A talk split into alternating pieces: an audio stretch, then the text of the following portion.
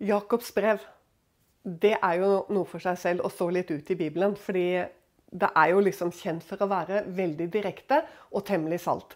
Og hvis du ser på åpningen, så settes liksom egentlig stilen med en gang. Fordi Jakob han sier noe som jeg tenker at her bør vi bare stoppe med. fordi at Hvis han mener dette bokstavelig, så er det jo veldig viktig å tenke over hva han sier. Han begynner nemlig å si at vi skal regne det bare som en glede når vi kommer i alle mulige prøvelser. Og årsaken til at han sier det, det er det at disse prøvelsene eller fristelsene, som det står andre steder, de frembringer noe helt spesielt i oss, og det er utholdenhet. Og det er et helt spesielt gresk ord som ikke skal oversettes med tålmodighet, for tålmodighet er en frukt, og utholdenhet det er noe annet. Og det er dette vi skal snakke litt om, fordi det er så viktig, og fordi det var Jesus som spesielt introduserte dette.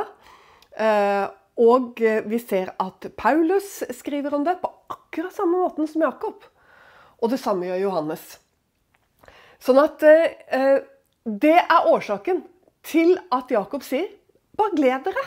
Altså, Når du er i alle mulige prøvelser og ting du liksom tenker Hva er det som har skjedd? Skjønner du? Litt sånn. Så skal du regne det som en glede. Fordi det framvirker utholdenhet. På gresk er det hypomonen.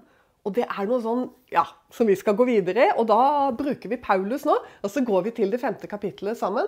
Og så skal vi se hvordan Paulus eh, sier det. Veldig likt på Jakob, egentlig. Men vi får kanskje enda mer forståelse av hva det faktisk handler om, dette eh, ordet. Og vi kunne lest fra første vers i femte kapittel i Romerbrevet, men vi går litt ned, og så sier eh, Paulus her at eh, han liksom slår bare fast dette, hva som er vårt håp. Hva det er eh, vi på en måte roser oss av, som det står her i denne oversettelsen, og som jeg vet det står i mange norske oversettelser. Vi roser oss av dette håpet om herlighet. Dette vi har del i i Kristus. Dette som Paulus også underviser om i Kolossebrevet, når han sier at søk ikke det som er her nede, altså det, de jordiske ting og verden, men søk det som er der oppe, hvor deres liv er. Det er det Paulus nå skriver om i romerbrevet. Men så sier han at det er noe mer vi skal rose oss av. Og det kommer helt i eh, fortsettelsen og i sammenheng. Så sier han ja, ikke bare det. Altså ikke bare at vi roser oss av dette. Men så, så sier han ikke bare det. Men vi roser oss også av våre trengsler. Og så kommer det som er ganske interessant. da. Fordi at han sier akkurat det samme som eh, Jakob. Nemlig fordi vi vet at trengslene virker utholdenhet. Og du eh, Det som jeg har lyst til å ta med òg, som i noen oversettelser så står det eh, 'rose seg'. Og det er egentlig et helt greit ord. Men for at vi kanskje får det enda tydeligere fram hvor eh, spesielt det er det Paulus sier, så er det sånn at det greske ordet her faktisk betyr å skryte. Det betyr å skryte, altså at du er stolt. Og sannsynligvis så mener de som eh, jobber spesielt med gresk språk og det etymologiske og opphavet til ordene, og det er sikkert uenighet her, men det det kan virke som, er at det kommer av eh, betydningen, altså at roten for ordet har med nakke å gjøre og å holde hodet. Altså Hvis du da tenker på å holde hodet litt høyt. Og det er jo interessant at det å holde hodet høyt er utgangspunktet, og det blir til å skryte. Sånn at på gresk så betyr det å skryte. Så det Paulus da sier, er at eh, den, rose er kanskje et ord vi ikke bruker så mye. Så jeg tenker det dagligdagse ordet da, er at han sier at vi skal skryte av trengslene. Og da tenker jeg, da er det jo virkelig verdt å stoppe opp litt her. Fordi er det det Er det liksom det er, sånn, Ikke for å overdrive nå, men du skjønner liksom Jeg vil ha frem et eh, poeng. For det er jo altså trengsler og prøvelser og fristelser og sånn er jo ikke behagelig. Det er jo ikke noe Det er jo ikke sånn at Paulus er en tullebukk her, liksom, og er litt klovnete. Men han vil alvorlig fortelle oss noe. Fordi disse tingene i livet vårt som vi alle får del i, og som vi helst vil unngå, og som vi prøver å komme unna, og som i noen kretser, fordi de har gal eller hva skal jeg si, skeiv teologi, ubalansert teologi, så er det nesten sånn at uh, man må la være å bekjenne at man har noe sånt. Fordi at det er litt sånn nederlag, på en måte. Altså du må late som om du Ja, nei, da er liksom Sant? Og så er det helt motsatt. Altså Læren i Det nye testamentet er helt motsatt. Det er faktisk sånn at Paulus sier at du skal skryte. Tenk deg det! Skryt av trengslene. Fordi de virker frem utholdenhet. Og det så tenker jeg, ja, men Eva, Er ikke det det samme som tålmodighet? liksom? Nei, det er akkurat det det ikke er. For det er et annet ord på gresk for tålmodighet. Utholdenhet.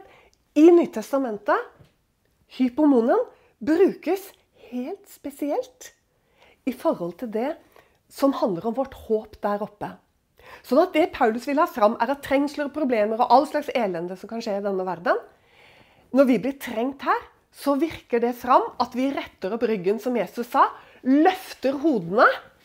Og det håpet som vi har i Kristus, det livet vårt som er der oppe, det blir så virkelig for oss. Altså Det er akkurat som det er liksom noe av den gamle hytten som blir litt forløst. Og så blir det nye livet på en måte settes fri, som ikke handler om denne verden, men som handler om den kommende verden. Altså, du blir liksom ikke Du blir, du blir ikke ute av, uh, av balanse og blir helt sånn der fjern, liksom. sånn. Nei, for det som er interessant Og det er jo derfor både Jesus, Paulus, Peter, Johannes og Jakob underviser om akkurat dette her med uh, hypomenen, utholdenhet. Det er jo det at jo, jo mer på en måte det er akkurat som det står. Han lærte, han lærte lydighet gjennom det han led.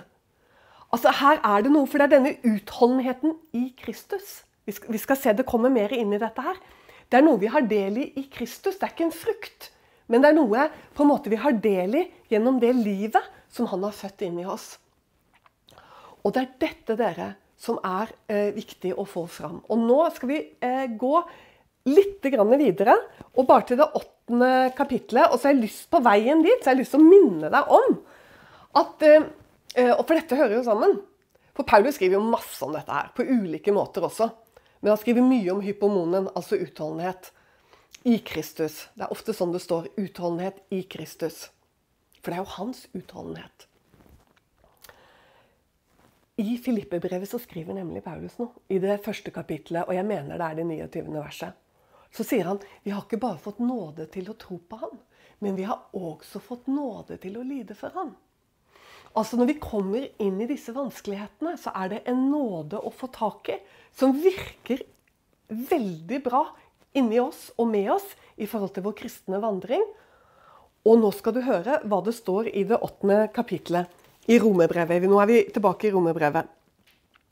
For der sier Peter, for å være litt i den samme leia i forhold til Filippe-brevet først, så, så, står det i det 17. verset Men er vi barn, da er vi også arvinger. Guds arvinger og Kristi medarvinger. Så fremt vi Hør du? Så fremt vi lider med ham. Jeg må bare altså Selv om det bare er komma jeg må bare stoppe.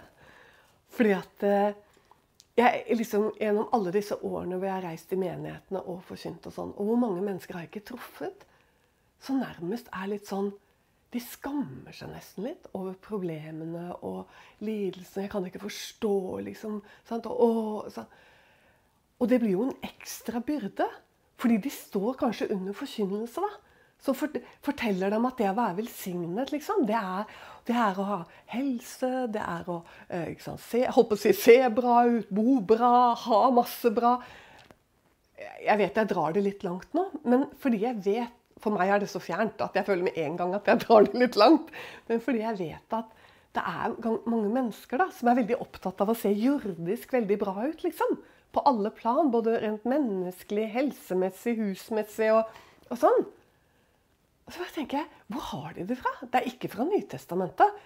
I Gammeltestamentet kan du sikkert finne litt om det. Eh, men altså i Nytestamentet det, da må du da, Ja, du kan sikkert poppe opp, men det er vel summen av Guds ord som er sannhet? er det ikke det? Og det er ganske tett, dette her jeg snakker om nå. Det er nesten sånn annenhver side i Det nye testamentet. Og så tales det aldri om det. Og for meg er det bare så utrolig uforståelig. Og tenk da, Filippe-brevet. Jeg må egentlig ta med det igjen nå. For Filippe-brevet er jo La oss bare gå dit. Eh, som noe som bare på en måte understreker det vi akkurat leste. Og, og det står i det tredje kapitlet. Og det, og, det, og det, hører bare så tett sammen med det som jeg har sagt eh, hittil. For der, der, kommer på en måte Paulus med et hjertesukk. Og hør hva han sier i 18. verset. For mange vandrer, mange vandrer, som jeg ofte har sagt. Altså Han har ofte sagt dette. Dette er noe han ofte har påpekt. Og vi vet jo at Paulus mange ganger sa det at uh, han vil ikke vite om annet enn Kristus og han korsfestet.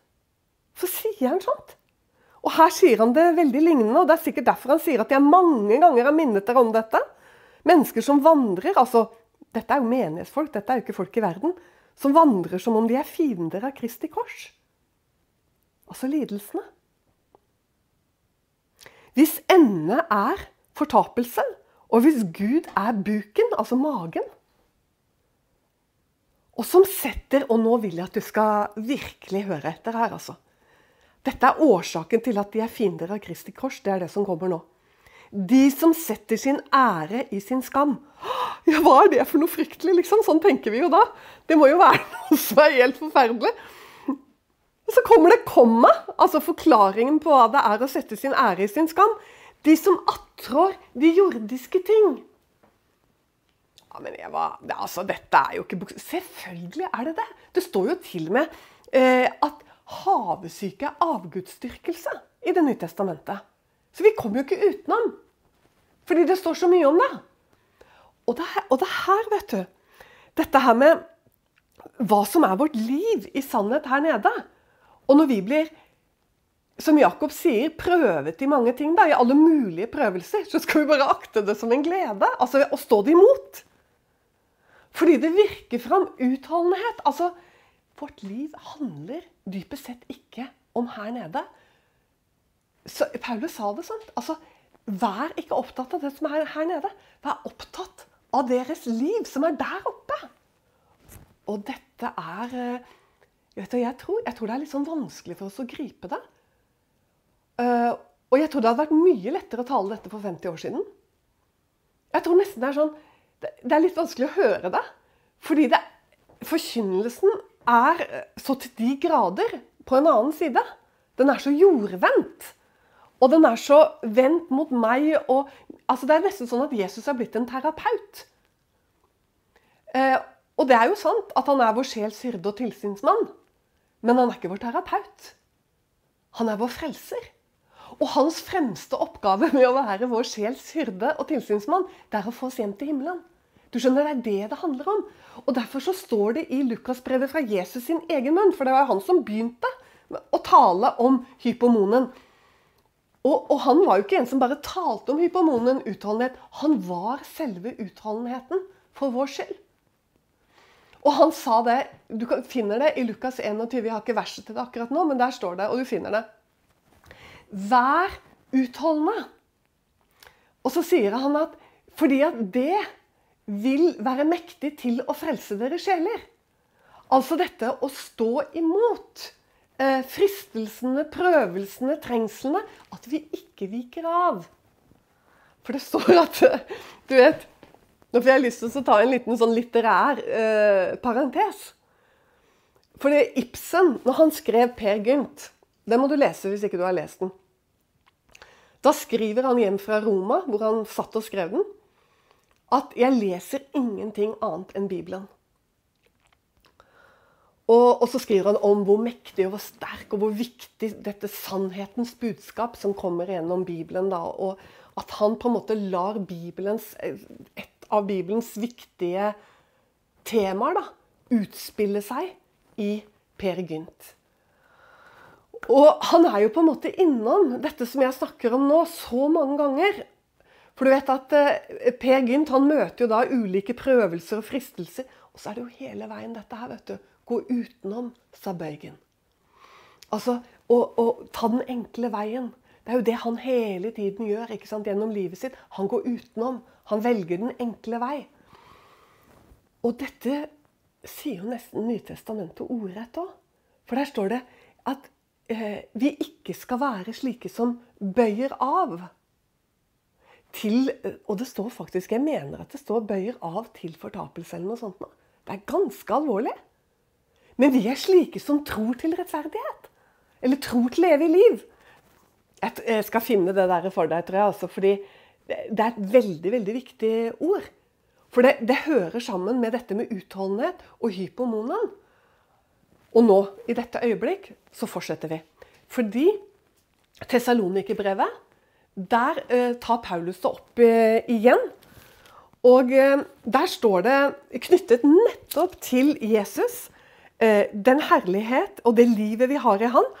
Og hør nå, det å vente på hans gjenkomst. Når vi blir trengt i verden, så er det klart at det livet vi har i han, blir jo mer levende. Håpet blir mer levende. Og det er det Paulus skriver her til tessalonikerne. Og han sier at må Herren styre deres hjerter det er tredje kapittel og femte vers. Må Herren styre deres hjerter til å elske Gud. Altså Her kommer han liksom som en sånn konklusjon om hva som er viktig.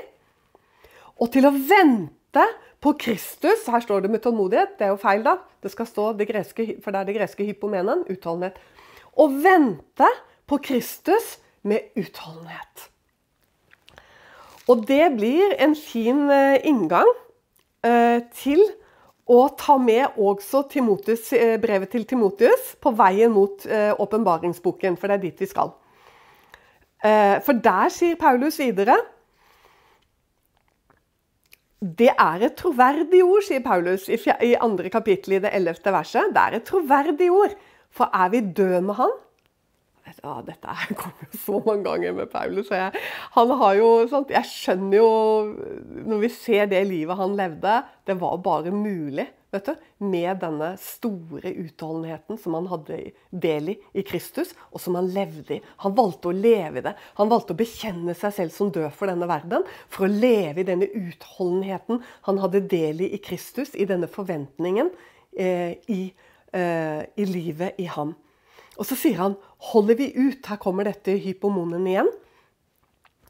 Holder vi ut, skal vi òg herske med ham. Fornekter vi, skal han også fornekte oss. Og du, da har vi fått den perfekte inngangen til åpenbaringsboken. Fordi at eh, det er jo dette som begynner allerede i første kapittel i Johannes' åpenbaring. Og, eh, og, det er jo ikke han, Johannes' åpenbaring, det er jo Jesu åpenbaring. Det står allerede i første verset, det er i første kapittel, at dette er Jesu Kristi åpenbaring. Det betyr at det er egentlig ikke Johannes som er forfatteren av åpenbaringsboken. Det er Jesus Kristus som er forfatter av åpenbaringsboken. Det er han som har gitt hele synet, alt sammen, som Johannes skriver ned. Men han blir til de grader delaktig noen ganger. Det vet vi. F.eks. er det i det fjerde eller femte, nei, ikke fjerde, femte eller sjette kapittelet, hvor han ser boken med de syv seil. Og da, da vet vi jo at han gråter. Fordi at det han ser, er at det er ingen som er verdig til å åpne seilene. Det er veldig interessant. Ingen er verdig til å åpne seilene. Men så hører han en av de eldste for tronen som sier til han, gråt ikke. For lammet har seiret. Han er verdig til å åpne boken. Og det er jo helt når vi, når, Det er jo så viktig å forstå dette her. For hva er det som skjer når lammet, Jesus Kristus, åpner seilene? Da kommer dommer over jorden. Det er jo fordi han som er vår frelser, også er vår dommer, skal derfra komme igjen for å dømme levende og døde. Og det er samtidig så trygt at han som er vår frelser, er vår dommer. Sånn at når han er blitt din frelser, så kommer han ikke til å bli din dommer. Men hvis du har valgt å ikke høre på han, sånn som Jesus sa til de som, de som avviste han når han gikk på jorden, så sa han eh, om dere ikke vil tro mine ord, så, så sier han nesten litt sånn så, Greit, liksom. Det er, ditt, si, det er ditt ansvar. Så sier han det at Eh, for han sier det at eh, Jeg er ikke kommet Altså i sitt første komme. 'Jeg er ikke kommet for å dømme verden, jeg er kommet for å frelse verden'. Men Han sier noe mer. Vi, sier, vi stopper ofte der. Det er bare et komma der. Og så sier han Men de ord jeg taler, vil dømme deg på den ytterste dag. Han som er ordet. Husk at i Johannes' åpenbaring så får Johannes se at han kommer, og det er det 19. kapittel, han ser at han kommer på en hvit hest. Og det står at hans kledning, dette er lammet, sant, er dyppet i blod. Og hans navn er Guds ord. Der kommer han som dommer. Sånn at innledningen til åpenbaringsboken kommer så tydelig fram hva dette er for noe. Og de første kapitlene handler jo om advarsel til menighetene. Nettopp dette som Paulus sa. Holder vi ut? Altså i fornektelsen av sant, verden og prøvelsene, fristelsene, og til og med forstår at trengslene i denne verden ikke er vår fiende. Men de er faktisk vår venn.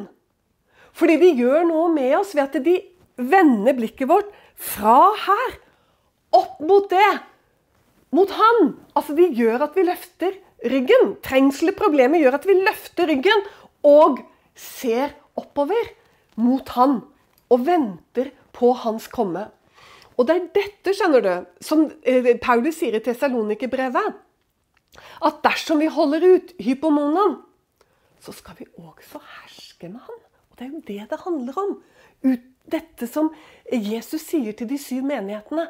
Det er en, en formaning, instruksjoner. Det er en eh, kraftig eh, beskjed om omvendelse til fem av menighetene. Hvorfor det? Jo, det handler hele veien om hypomonen. Om utholdenhet. Altså om å ikke bøye av.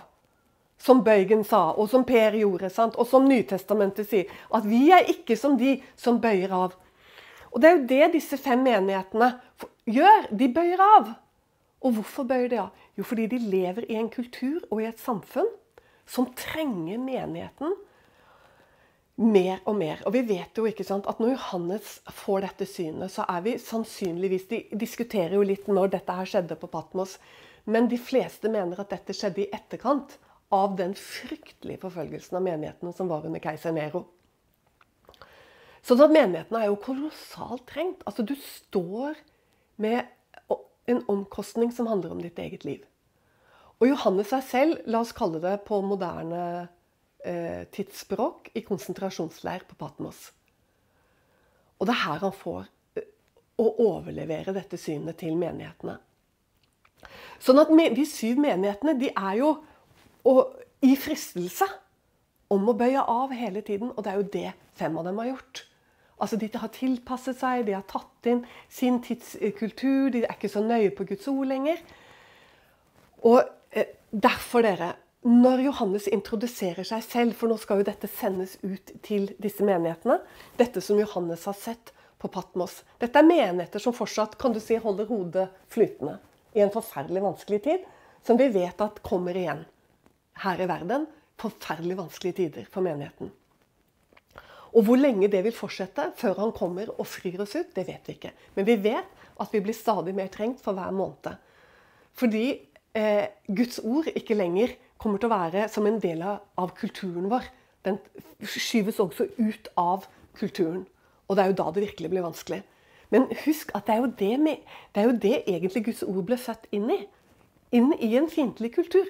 Vi vender egentlig bare tilbake, sånn som jeg ser det, til utgangspunktet. Så Derfor er det så viktig å ta til oss eh, disse rådene fra den forfulgte menighet, som er den menighet som har skrevet til oss. Det er en forfulgt menighet. Det er den som har undervist oss. Det er det Peter sto i, Johannes sto i. ikke sant? Alle sammen. Men hør nå. Når Johannes introduserer seg i første kapittel, så er det veldig interessant hva han sier til disse menighetene, hvem han er. Han setter seg ikke selv veldig høyt. Han kunne jo sagt at dette er apostelen. ikke sant? Johannes. Eh, for nå må dere høre på meg hva jeg har opplevd, liksom. Sant? Eh, jeg som vandret med han. Ingen av disse her han skriver til, eh, sannsynligvis. sant? Har, har noen gang vandret og sett Jesus og vært hans venn her på jorden, sånn som Johannes var. Han kunne sagt alt dette her, men han sier ikke til ord om det. Og i niende verset så ser du hva han hva er det som er viktig for ham? Han bare summerer det opp i et par setninger. Det han har lyst til å si om seg selv i forhold til det han nå har hørt og sett og skal vise menighetene. Og det står i det niende verset i første kapittel. Jeg, hvem er du, Johannes, som er deres bror, og har del med dere i hva da? Altså Han stiller seg helt på linje med dem. Som har del med dere, og så er det tre ting han nevner. I trengselen, i riket og i utholdenheten. Er det interessant? Altså, det er, det er liksom Det er det. sånn. Den kristnes liv summeres opp i tre ord. I trengselen og i riket, som er vårt håp, og som vi har fått del i, som har kommet nær. Og som bor i oss ved Den hellige ånd, pantet på vår arv. ikke sant? Og så sier han først trengselen, så riket, og så dere dette viktige hypomenen. Utholdenheten. Altså det å vente på Han. Med utholdenhet. Dette som skapes i oss ved at vi er trengt. Og ved at vi har del i riket. At ved at vi har del i riket og er trengt, så skapes dette for den som holder seg og blir i Kristus. Utholdenheten. Og den er Du, det er eh, interessant. Fordi hvis vi nå går videre til tredje kapittel, og jeg sa til deg at det er dette det handler om, og det er derfor også Johannes introduserer seg på denne måten. Fordi han vet han skal komme med ganske sterk eh, formaning og eh, rett og slett oppfordring. Alvorlig oppfordring om omvendelse. Dersom vi skal herske med han, som, som, som er tema. Og han har fått av Jesus Kristus. Og det er jo derfor han bare setter det som er tema for Jesus når han snakker til disse syv menighetene. Det er dette. Det er trengselen, det er riket, og det er utholdenheten. Og der er det en menighet som vi alle har hørt om, og som mange menigheter er oppkalt etter, som peker seg helt spesielt ut og blir et forbilde, og det er Philadelphia. For ikke bare har Philadelphia holdt fast på Guds ord. Og la meg si, før jeg sier mer, så må jeg si for resten av det Jeg må rett og slett ta med det.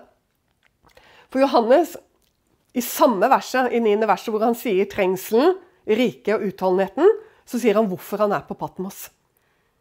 For Guds ords skyld. Altså for vitnesbyrdet om Jesus Kristus og for Guds ord. Det er jo derfor trengselen. ikke sant? Det er jo derfor problemene. Fordi han nettopp ikke har gått utenom. Han har ikke vært blant dem som har bøyd av. Derfor er jeg på Patmos, sier han. For jeg har ikke bøyd av. Og dette er jo viktig, ikke sant? fordi han skal snakke til menigheter som bøyer av. Og så sier han at han har del i trengsel fordi han ikke har bøyd av. Han er der for Guds ords skyld. Og så, eh, fordi vi ikke har tid til å gå gjennom syv menigheter, så er det jo interessant da å se på forbildemenigheten som Jesus peker ut, og det er Philadelphia.